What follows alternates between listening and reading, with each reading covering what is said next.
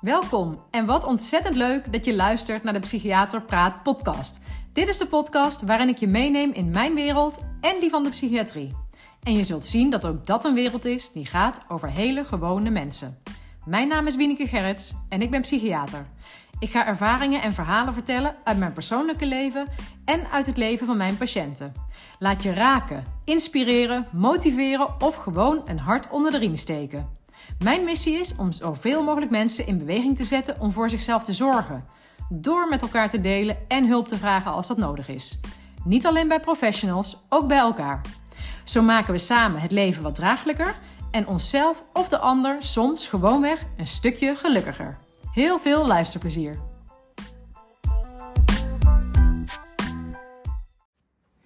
Hey, goedemorgen. Alweer op deze maandagochtend. Ik ben er weer met mijn podcast en jij bent er weer als luisteraar. En daar ben ik hartstikke blij mee. Ik ga jullie vandaag even meenemen in iets wat er gewoon echt deze dagen allemaal uh, gebeurt. Uh, ik ben er nog steeds behoorlijk overweldigd door. Uh, ik ga je alles vertellen dadelijk hoor. Dus misschien zit je nu op het puntje van je stoel. Oh, wat is er aan de hand? Daar ga ik je allemaal in meenemen. Maar ik, um, ik, ik ik neem deze aflevering ook op, echt zeg maar vanuit, uh, ja, hoe moet je dat zeggen? Ik wou zeggen de losse pols.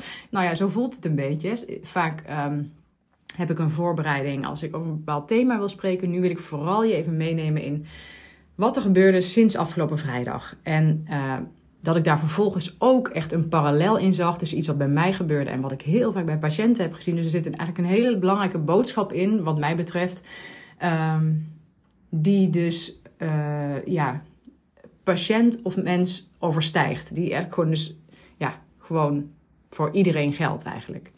Nou, laat ik even beginnen, eh, laat ik even vertellen waar het begon. Um, zoals jullie weten, afgelopen vrijdag, uh, um, tenminste, dat zou je kunnen weten, de vorige aflevering die ik afgelopen vrijdag publiceerde ging over dat mijn bedrijf één jaar bestaat. En ook daar, in die aflevering, heb ik aandacht gegeven aan dat dat enerzijds heel heugelijk is, en aan de andere kant dat er ook weer veel verdriet achter zit. Nou, over dat stuk van dat verdriet, die achterliggende jaren, hoe dat is geweest, de aanloop hier naartoe. Daar heb ik afgelopen vrijdag ook een bericht over geplaatst op LinkedIn. Uh, ik weet niet of jij wel eens, uh, of je mij volgt op LinkedIn, of, of je geconnect bent, uh, of je überhaupt op LinkedIn zit.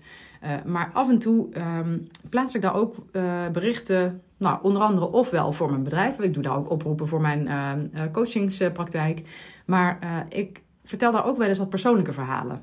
Uh, dat vind ik zelf prettig. En uh, afgelopen vrijdag dacht ik, kwam ook gewoon s ochtends pas in me op hoor. Dus het gaat bij mij ook redelijk, uh, um, ja, geïnspireerd is dat zeg maar. ik ging zitten, ik dacht, nu ga ik dit verhaal eens een keer opschrijven. En dat is het verhaal over het naderende verlies van mijn registratie als psychiater. Nou, mocht je mij al lang volgen, dan weet je dat dit een terugkerend thema is. Het is echt niet de eerste keer dat ik daar nu over vertel. Um, mocht je misschien naar aanleiding van de LinkedIn-post mij nu uh, beluisteren, dan, dan ben ik misschien wel nieuw voor je, maar dan licht ik het ook een beetje toe.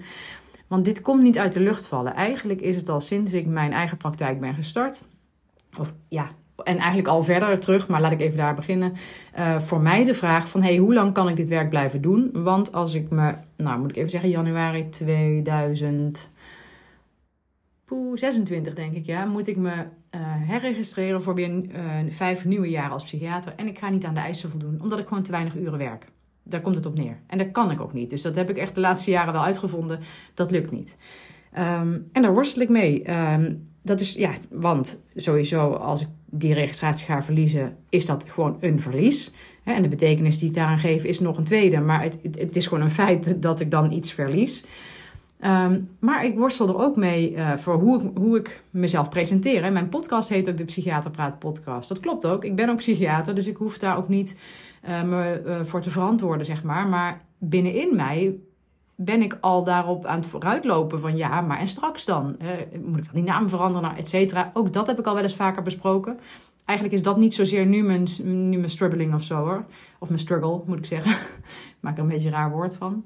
Maar... Um, ik voel al heel lang dat ik denk, hé, maar ik wil hier ook wat over delen, over dit proces. En dat doe ik natuurlijk in mijn podcast, wat ook inmiddels, ik, ja, oh, het is vandaag de honderdste aflevering, ook echt ongelooflijk vind ik. Maar, nou ja, ik, uh, en ik heb echt heel veel luisteraars, dus dat, daarmee bereik ik natuurlijk ook al heel veel mensen. Maar juist ook in mijn professionele netwerk uh, van collega's, zeg maar, van mensen uit de GGZ. Uh, nou, alle mensen die ik in de afgelopen jaren als, als professional ben tegengekomen, dat netwerk wat ik heb opgebouwd.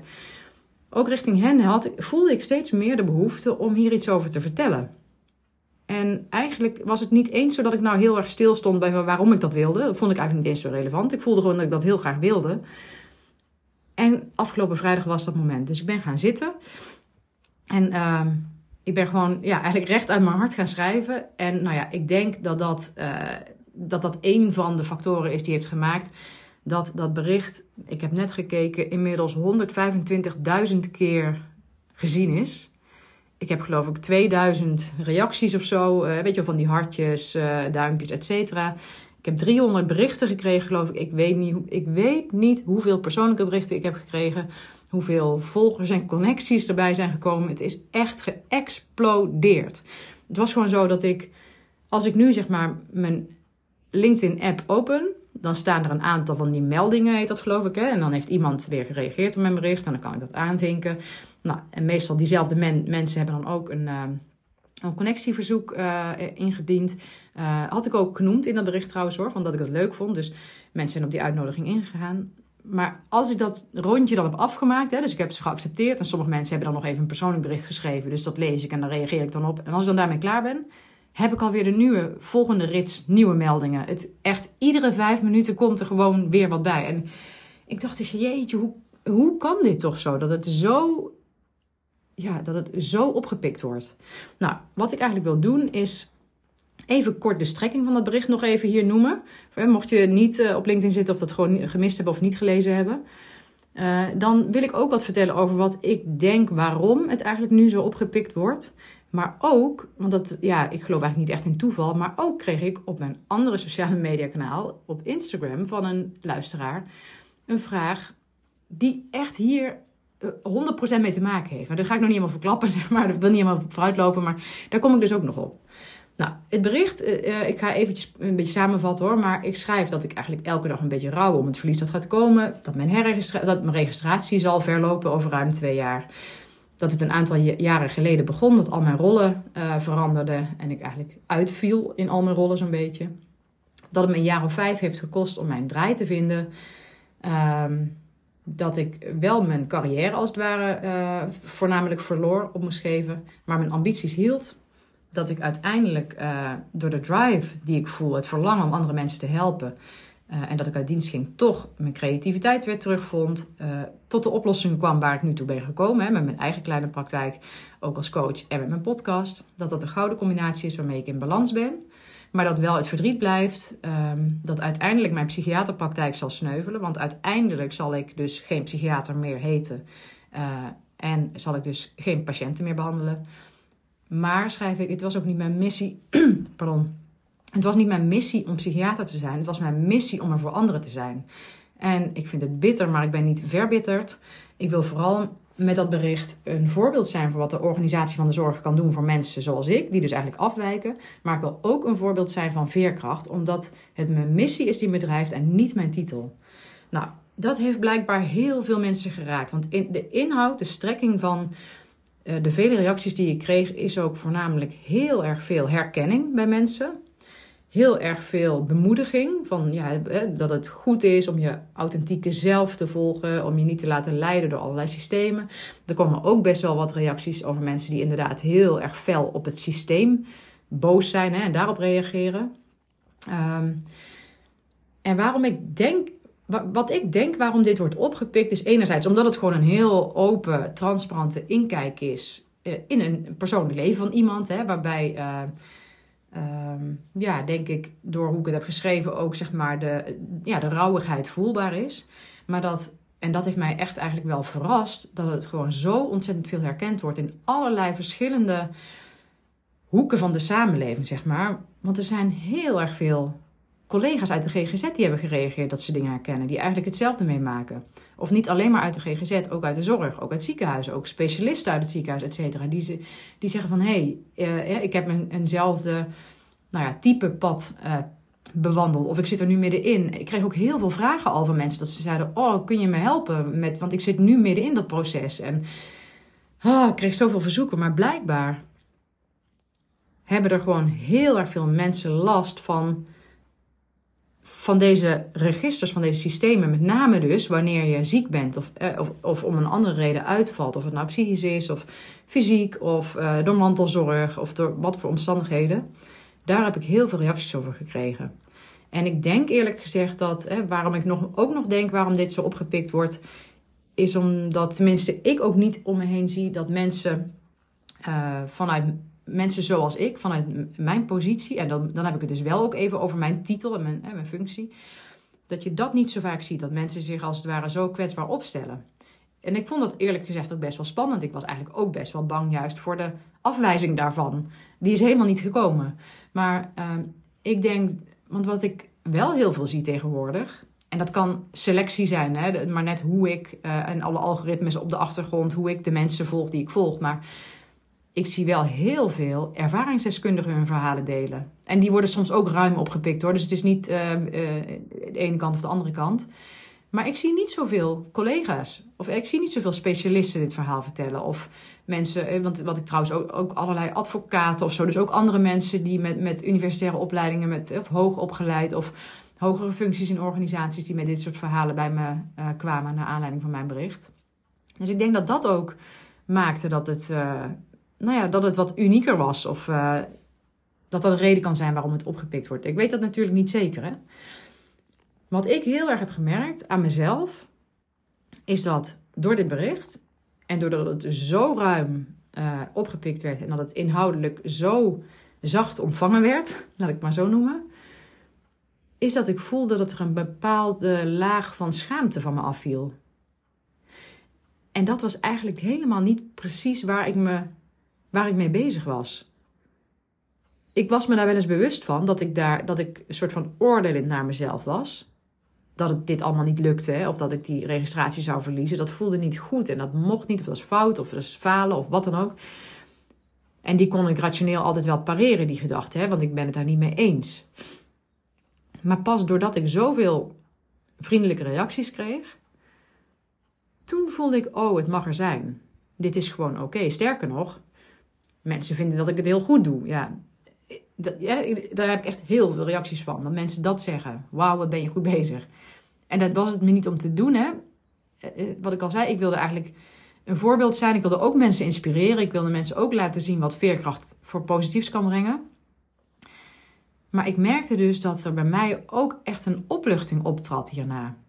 Want er waren ook, want dat, dat voel ik toch het meeste nog, dat, en daar heb ik wel eens wat vaker over verteld, maar dat het gewoon heel akelig is, heel naar is om te bedenken dat ik die identiteitsverlies, dat, hè, dat uh, behoren tot de groep van psychiaters. En dat heeft niks met een waardeoordeel te maken aan dat beroep of zo. Hè? Maar ik ben gewoon onderdeel van een groep. Maakt niet uit welke groep het was, maar in dit geval is het de groep van psychiaters. Daar behoor ik toe en straks dan niet meer. En dat is heel akelig.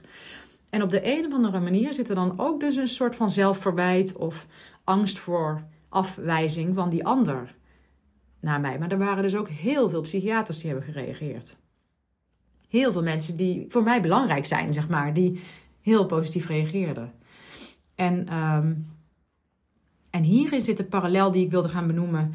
Um, die ik ook nog eens dan echt, volgens mij was het zondagmiddagavond dat ik dat bericht kreeg van die luisteraar op Instagram. Die parallel, dat kwartje wat daar ook ineens in viel. En ook hiervoor ga ik even naar dat bericht toe. Um, want ik vind het altijd, ik vind het zelf altijd gewoon heel, ja, het meest tastbaar als je hoort wat iemand heeft gezegd of geschreven. Hè? Dus zij schrijft, zij, zij, uh, zij luistert me al wat langer. Of tenminste, heeft al wat vaker contact gezocht. En nu zegt ze van, nou, ik heb ze nu bijna allemaal geluisterd. En ik heb ook nog een idee misschien voor een podcast. Het schiet me net te binnen. Er is heel vaak tegen mij gezegd dat ik een complex geval ben omdat ik last had van anorexia, depressie, zelfbeschadiging en angst. Ik paste niet echt in een behandelhokje, daar de specialistische GGZ vaak gespecialiseerd is in één onderdeel. Heb je hier zelf ook mee te maken gehad en hoe kijk jij hier tegenaan? Zou jij cliënten complex noemen? Daar heb ik op gereageerd. Dat ga ik niet voorlezen, want dat komt al terug in mijn reactie, in mijn verhaal nu.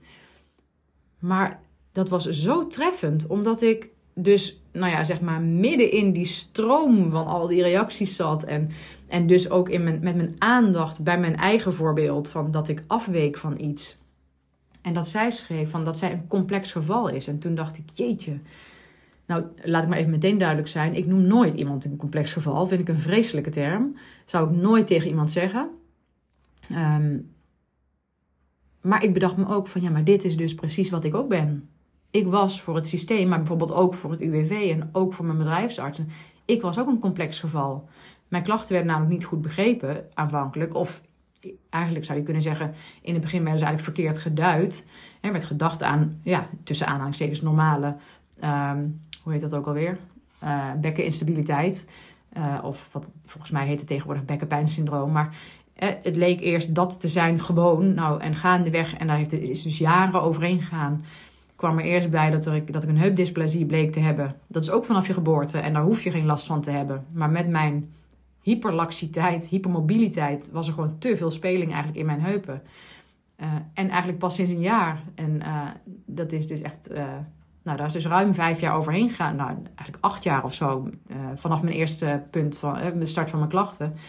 Is er geconstateerd, omdat er een orthopeet was die dacht: Nou, nu moeten we eens verder kijken. En die een gespecialiseerde MRI aanvroeg met contrastmiddel inspuiten, et cetera die kon daarop zien van ja, maar jouw heupen, het kapsel wat aan de binnenkant van jouw heup zit, is helemaal aan gort. Is helemaal gerafeld.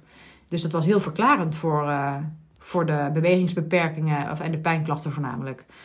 Um, maar nu wijd ik even heel erg uit. Het is dus een probleem geweest wat heel, dus inderdaad moeilijk grijpbaar was voor alle specialisten die ik bezocht. Ook de fysiotherapeuten, zeg maar. En ik ben ook wel eens bij een... Uh, uh, bij een haptotherapeut en bij een osteopaat. Nou, ik heb ook allerlei paramedici bezocht, maar ook allerlei specialisten in het ziekenhuis, reumatologen en zo, et cetera. Ik was een complex geval. Ik werd niet goed begrepen.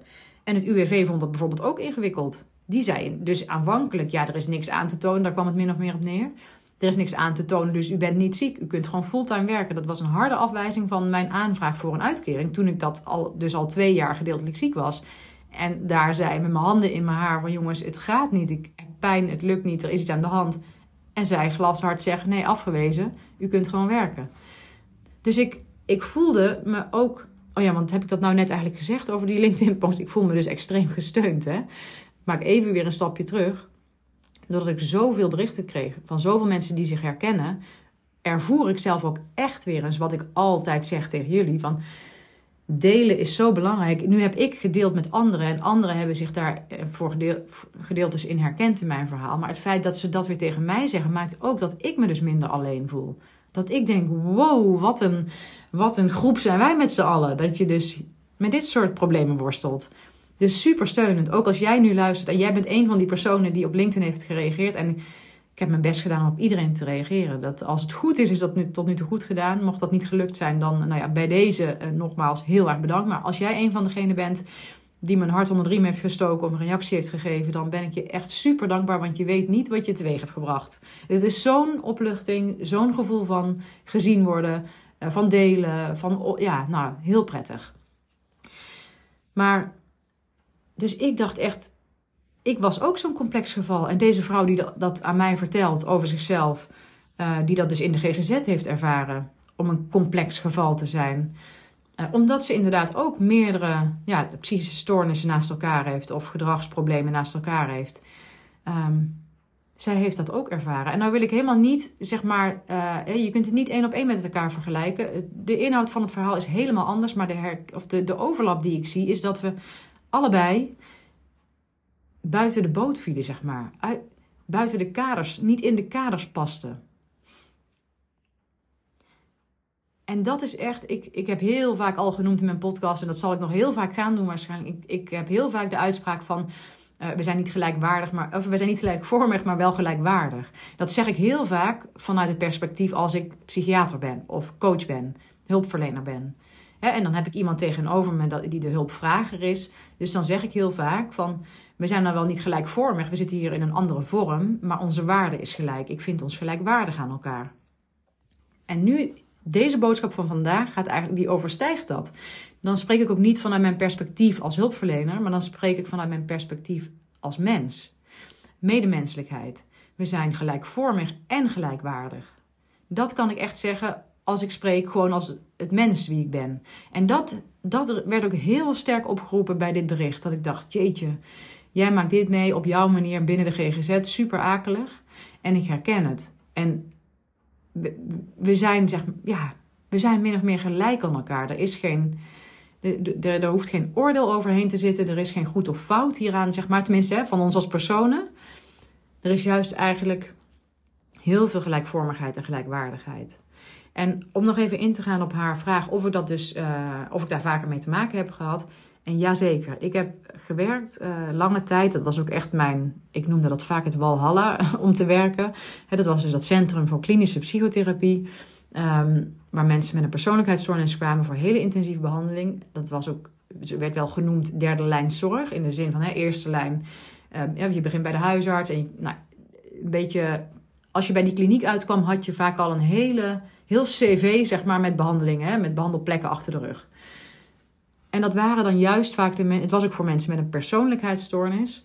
Um, dat waren vaak mensen die dit dus al heel vaak te horen hadden gekregen. Die, die bijvoorbeeld bij, via de huisarts werden verwezen naar de GGZ eh, met een depressie. En met depressieve klachten voor een behandeling. En dan kwamen zij in behandeling. Maar dan liep het niet, uh, omdat er ook andere problemen waren. Maar dan kom je op zo'n hele nauwe afdeling terecht soms waarvan ze zeggen, ja, maar ja, jij hebt ook een eetstoornis. Ja, daar, nee, dat interfereert met de behandeling van de depressie. Daar kunnen we niks aan doen. Misschien moet je eerst je eetstoornis gaan laten behandelen voordat we aan je depressie kunnen werken. Nou, dit is maar één van de voorbeelden waarvan er heel erg veel zijn. Ik kan me voorstellen, als je nu luistert en je bent zelf cliënt of patiënt geweest in de GGZ of nog steeds, dat ik, nou, ik denk dat de helft van jullie dit zal herkennen. Um, en en dit is dan bij uh, veel mensen met wie ik uiteindelijk uh, ging werken niet één keer gebeurd, maar wel vijf keer op een rij of weet ik veel hoe vaak. En um, dat is heel kwalijk. Dat heeft te maken met hoe de zorg is ingericht. Want dat zijn over het algemeen, is wel mijn uh, opvatting, hè, of wat ik ook gewoon, mijn ervaring. Dat, dat al mijn collega's in de GGZ allemaal goede bedoelingen hebben. De, echt is echt een uitzondering van mensen waarbij ik dat gevoel niet heb. Maar bijna iedereen die ik als collega in de GGZ ben tegengekomen, heeft de beste bedoelingen, heeft de beste wil om mensen te helpen. Maar ze zitten in een structuur waarin wordt gezegd van hè, dit kan wel, dit kan niet. Je mag deze behandeling wel aanbieden, maar nee, dat extra ding wat je misschien in gedachten hebt, dat kan niet, dat past je niet, nou, et cetera. Heel veel hokjes en muren tussen de verschillende afdelingen. Daar zal ook weer een beweging in komen. Er wordt nu, is nu al meer een beweging om het weer meer Um, generalistisch te maken, dus minder gespecialiseerd, maar meer samenwerking. Nou ja, men gaat proberen de problemen op te lossen, maar inderdaad, eh, tot nu toe is de zorg heel vaak op deze manier ingericht en dat komt de patiënten echt niet ten goede. Dus dat is één. Ik heb dit inderdaad heel vaak gezien. Dat mensen als complex geval niet de juiste zorg konden krijgen en van het kastje naar de muur werden gestuurd. Maar wat ik daar nog meer van vind, en dat vroeg zij ook aan mij, hè, zou jij cliënten complex noemen? Daar heb ik ook in gereageerd van, nou, ik, er bestaat wel zoiets als bijvoorbeeld eenvoudige problematiek of complexe problematiek. Die woorden durf, ja, die neem ik wel in de mond. Dat, en dat, dat vraagt natuurlijk ook om zijn toelichting, maar er zijn gewoon mensen die hebben een, een redelijk afgebakende klacht, bijvoorbeeld van een bepaalde angst. En die kun je ook heel geprotocoleerd bijvoorbeeld helpen en die hebben daar echt veel baat bij en die kunnen weer verder, zeg maar. Maar er zijn ook mensen waarbij de problematiek die er speelt complexer is dan inderdaad, zoals bijvoorbeeld deze vrouw die zegt: Ja, ik had en anorexia en depressie en zelfbeschadiging en angst. De problematiek is complexer. Er spelen meer soorten klachten en symptomen. En nou ja, dat, het kan bijna niet anders, zou ik willen zeggen. Maar ja, als ik dan put uit mijn eigen ervaring, heel vaak zit daar ook een behoorlijke, uh, een behoorlijke achterkant aan, om het maar even zo uit te drukken. Er zit meestal wel een behoorlijk levensverhaal achter. Of uh, heftige ingrijpende gebeurtenissen of uh, familiaire belasting of uh, nou ja, context, hè, omgevingsfactoren, die, opvoeding of van alles. Meestal is ook de geschiedenis van iemand ja, complex. Dat, vind ik dan, dat zou ik dan eigenlijk niet zo vaak dat woord voor kiezen, maar nu in deze context wel even. Hè, dus ja, er zijn mensen die meer complexere problematiek hebben. Maar het maakt zoveel uit. En het lijkt misschien maar een klein verschil, maar het maakt zoveel uit. Of je zegt, jij bent een complex geval. Of jij hebt te maken met complexe problematiek. dit zijn maar even twee manieren om het uit te drukken. Maar het maakt zoveel uit of je iemand reduceert tot iets, tot de complexiteit. Of zegt, hé, hey, maar nee, maar jij worstelt met iets wat behoorlijk complex in elkaar steekt. En, want daar zit ook een andere boodschap achter natuurlijk. En bij dat laatste kun je ook zeggen, dus dat vraagt ook om misschien meer maatwerk. Om een misschien wel intensievere begeleiding of behandeling. Of meer multidisciplinair of langer of wat dan ook. Maar eigenlijk juist zou je veel meer vanuit compassie moeten praten, vind ik. Als je iemand tegenkomt met complexe problematiek. Moet je zeggen, jeetje, ja, wat heb je? Een, een pakket, inderdaad. En, en laten we samen eens kijken van wat, hoe kunnen we daarmee aan de slag gaan en waar moeten we beginnen? En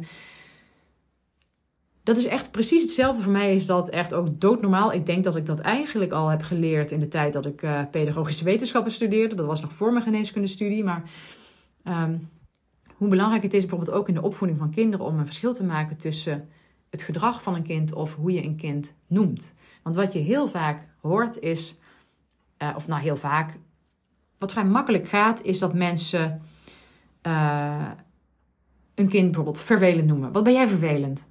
Of, nou ja, en vul maar in wat je ervan kan vinden, wat, wat je kunt zeggen uh, als je een kind opvoedt.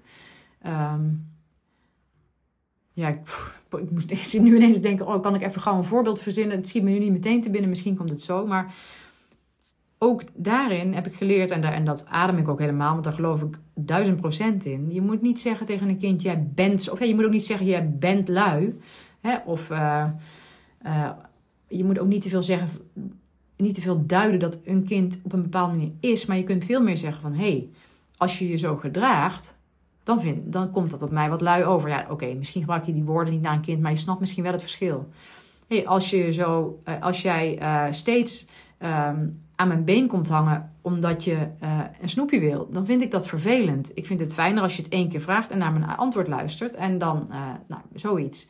Dus een kind is niet vervelend. Misschien gedraagt een kind zich op dat moment op een manier die jij vervelend vindt. Maar dus onderscheid maken tussen gedrag of wat iemand is. Want zeker kinderen zijn er heel gevoelig voor als ze op een bepaalde manier genoemd worden. Nog steeds hoor ik wel eens om me heen uh, dat ouders hardop waar hun kinderen bij zijn, gewoon praten over van, ja, nou dat is een heel makkelijk kind en ja, nee, die is wat moeilijker. Ja, wat denk je dat zo'n kind met zich meeneemt, die laatste? Als hij dat hoort, dat zijn eigen ouders dit over hem of haar zeggen, dan gaan ze dus aannemen, ik ben een moeilijk kind. Nou ja, met alle gevolgen van dien die dat kan hebben ook daarin denk ik weer, ik zou me nooit zo uitdrukken. Sowieso al niet waar mijn kinderen bij zijn, maar ook die woorden zou ik niet kiezen omdat ik er niet in geloof. Ja, natuurlijk kun, zeker. Ik heb ook drie kinderen, die zijn alle drie verschillend. En uh, die ervaar ik ook allemaal op een andere manier. Maar ik zou nooit zo normerend daarover praten. Ik zou wel kunnen zeggen, en ik ga dat nu trouwens niet over mijn kinderen zeggen, dat vind ik gewoon veel te privé. Maar uh, ik zou wel kunnen zeggen van nou, bij dit kind. Uh, gaat een en ander me makkelijker af. Of bij het andere kind kost me wat meer moeite om zus of zo, weet ik veel. Dat, dat zou ik best willen zeggen. Maar ik ga niet zeggen dat het ene kind makkelijk is en het andere moeilijk. Dat is zo normerend. Laat staan dat het kind dat meepikt. Maar dat geldt eigenlijk ook in de zorg. En uh, dat gaat ook dus naar patiënten toe. Daar voel ik ook exact hetzelfde bij. Ik heb echt nog nooit. Nou, moet, ik dit, moet ik dit nuanceren? Ja, ik denk dat ik wel eens iemand, hè, één of enkele personen ben tegengekomen die ik echt, zeg maar, vervelend vond. Maar dat is echt zo'n klein, miniem stukje van alle mensen met wie ik heb gewerkt. Dus ik kan wel zeggen dat bijna alle cliënten of patiënten waarmee ik heb gewerkt, heb ik bij gevoeld van, jij bent oké. En ook al vertonen ze zeg maar gedrag wat ingewikkeld is, hè, of wat zelfs afwijzend is naar mij, maar dat kon ik dan altijd plaatsen in de, in de problematiek die bij hen speelde. Ik ben altijd eigenlijk uitgegaan van, van toch het goede in de mens, zeg maar. En iemand komt niet voor niets hulp zoeken. En iemand heeft zelf net zoveel last van zijn eigen irritante gedrag, om het maar zo te zeggen. Hè, dus ik ga er altijd van uit van dat niet iemand vervelend is maar hij doet misschien vervelend voor zichzelf of zijn omgeving. ook wel mensen met een persoonlijkheidsstoornis worden ook wel eens de moeilijke mensen genoemd. En ik gebruik dat ook wel eens. En dan zeg ik dat wel echt, dat is wel heel erg afhankelijk. Ik heb dat bijvoorbeeld ook wel eens in onderwijs gedaan. Aan artsassistenten die in opleiding waren tot psychiater. Dat ik dat ook zo noemde.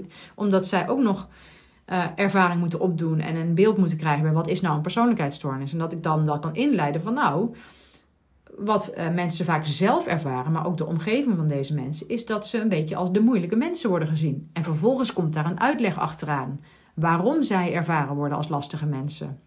dus dat is niet zo dat ik ze zo veroordeel, maar dat is een manier soms om het uit te leggen. Dus ja, bij deze vrouw denk ik echt, nee, jij bent geen complex geval. Jij hebt wel een pakketje aan ja, psychische klachten, psychische stoornissen of psychische problemen die complex zijn. Dus die vragen ook om een, ja, als het ware, complexere behandeling. En waar, wat ik hier nou echt de parallel in vind, is dat zij dus ook, en sowieso ben je als uh, psychiatrische patiënt of patiënt in de GGZ of cliënt, sowieso val je al een beetje buiten de maatschappij. Er zit al veel stigma op. En dan is dit ook nog eens een subcategorie binnen die patiëntengroep die er ook nog eens, ook nog eens heel e-, buiten valt. Het is iets um, minder gestigmatiseerd als je zegt: Ik heb een depressie gehad, dan wanneer je zegt: Ik heb een persoonlijkheidsstoornis.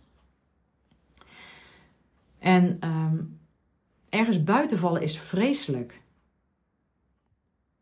Dat weten we natuurlijk ook al lang. Er zijn ook allerlei destigmatiseringsprogramma's die echt nog lang niet hun doel hebben bereikt. Wat wel heel goed is dat het gebeurt trouwens hoor, vind ik. Maar, maar dit is super pijnlijk wat zij schrijft, vind ik.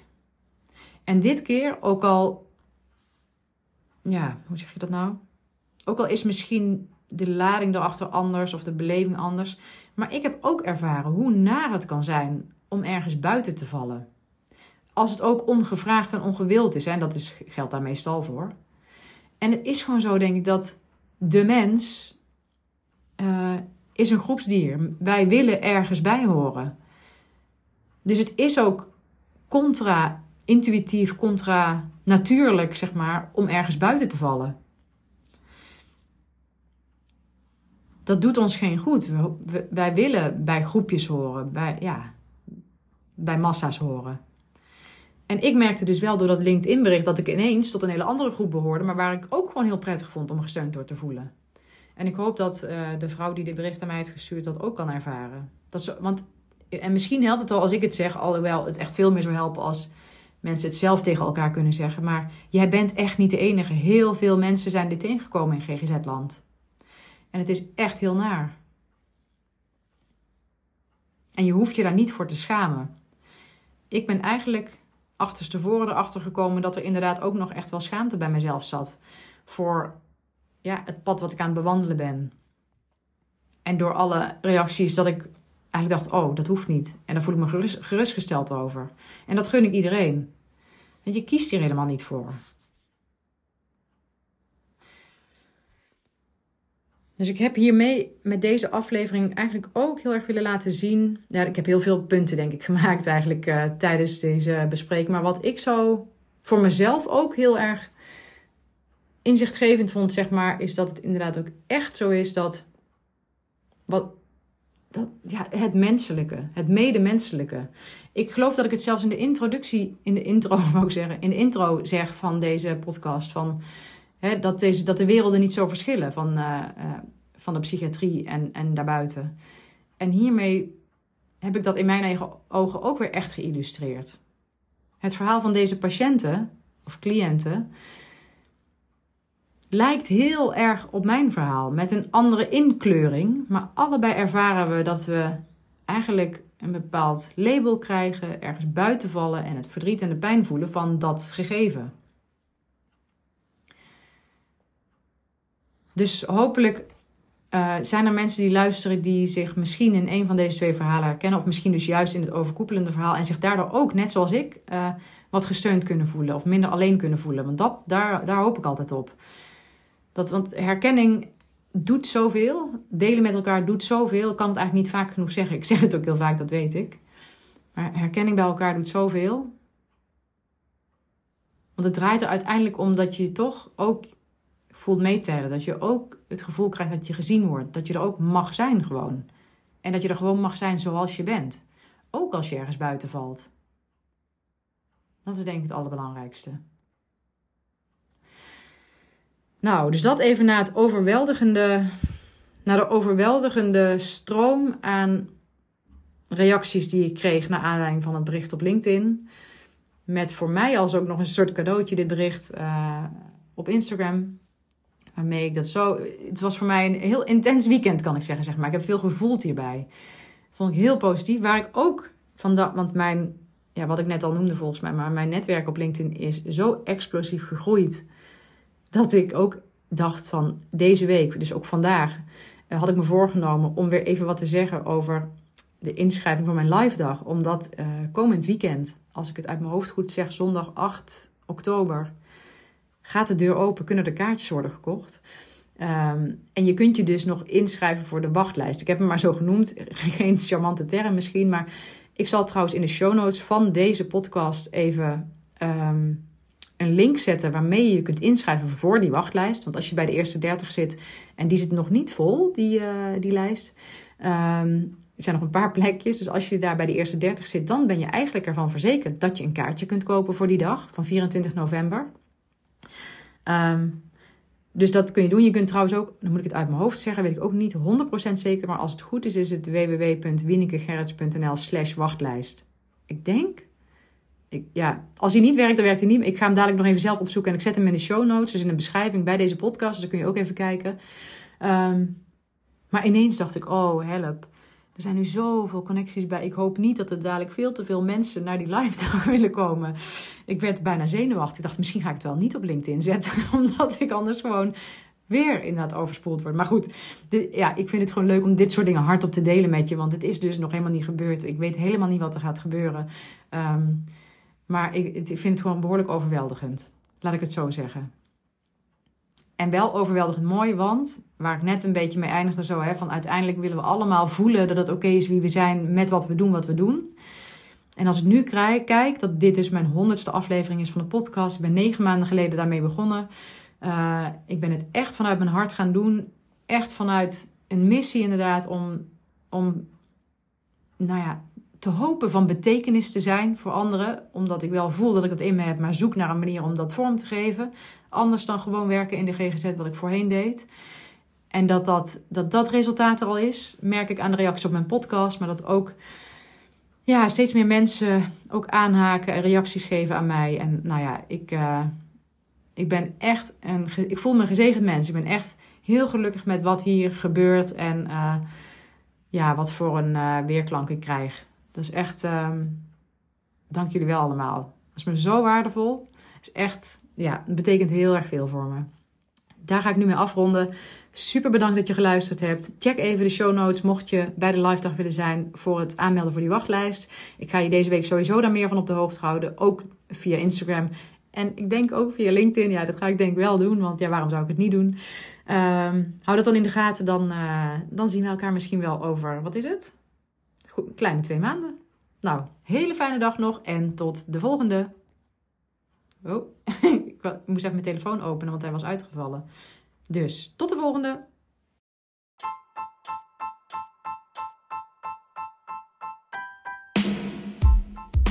Ha, ik vind het echt super leuk dat je mijn aflevering beluisterd hebt. En nogmaals, heel erg bedankt daarvoor.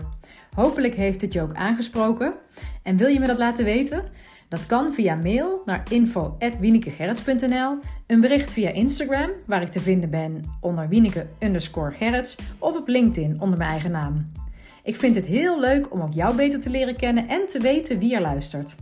Jij kunt ook anderen inspireren door mij te taggen, bijvoorbeeld in je stories of je feed op Instagram. En wat jij van mij kunt doen, is in jouw podcast-app waar je deze beluistert, een review achterlaten. Bijvoorbeeld een aantal sterren. Wil je dat doen? Zo kom ik erachter of en hoe mijn podcast gewaardeerd wordt en wordt hij beter vindbaar voor anderen. Overigens kun je je ook abonneren op deze podcast in je app. Hoe dat per app werkt, weet ik niet precies, maar vaak is er een knop subscribe, abonneren of volgen en dan krijg je automatisch een berichtje of in je app te zien als ik een nieuwe aflevering heb geplaatst. Maar nogmaals, super, super, super dank en tot de volgende!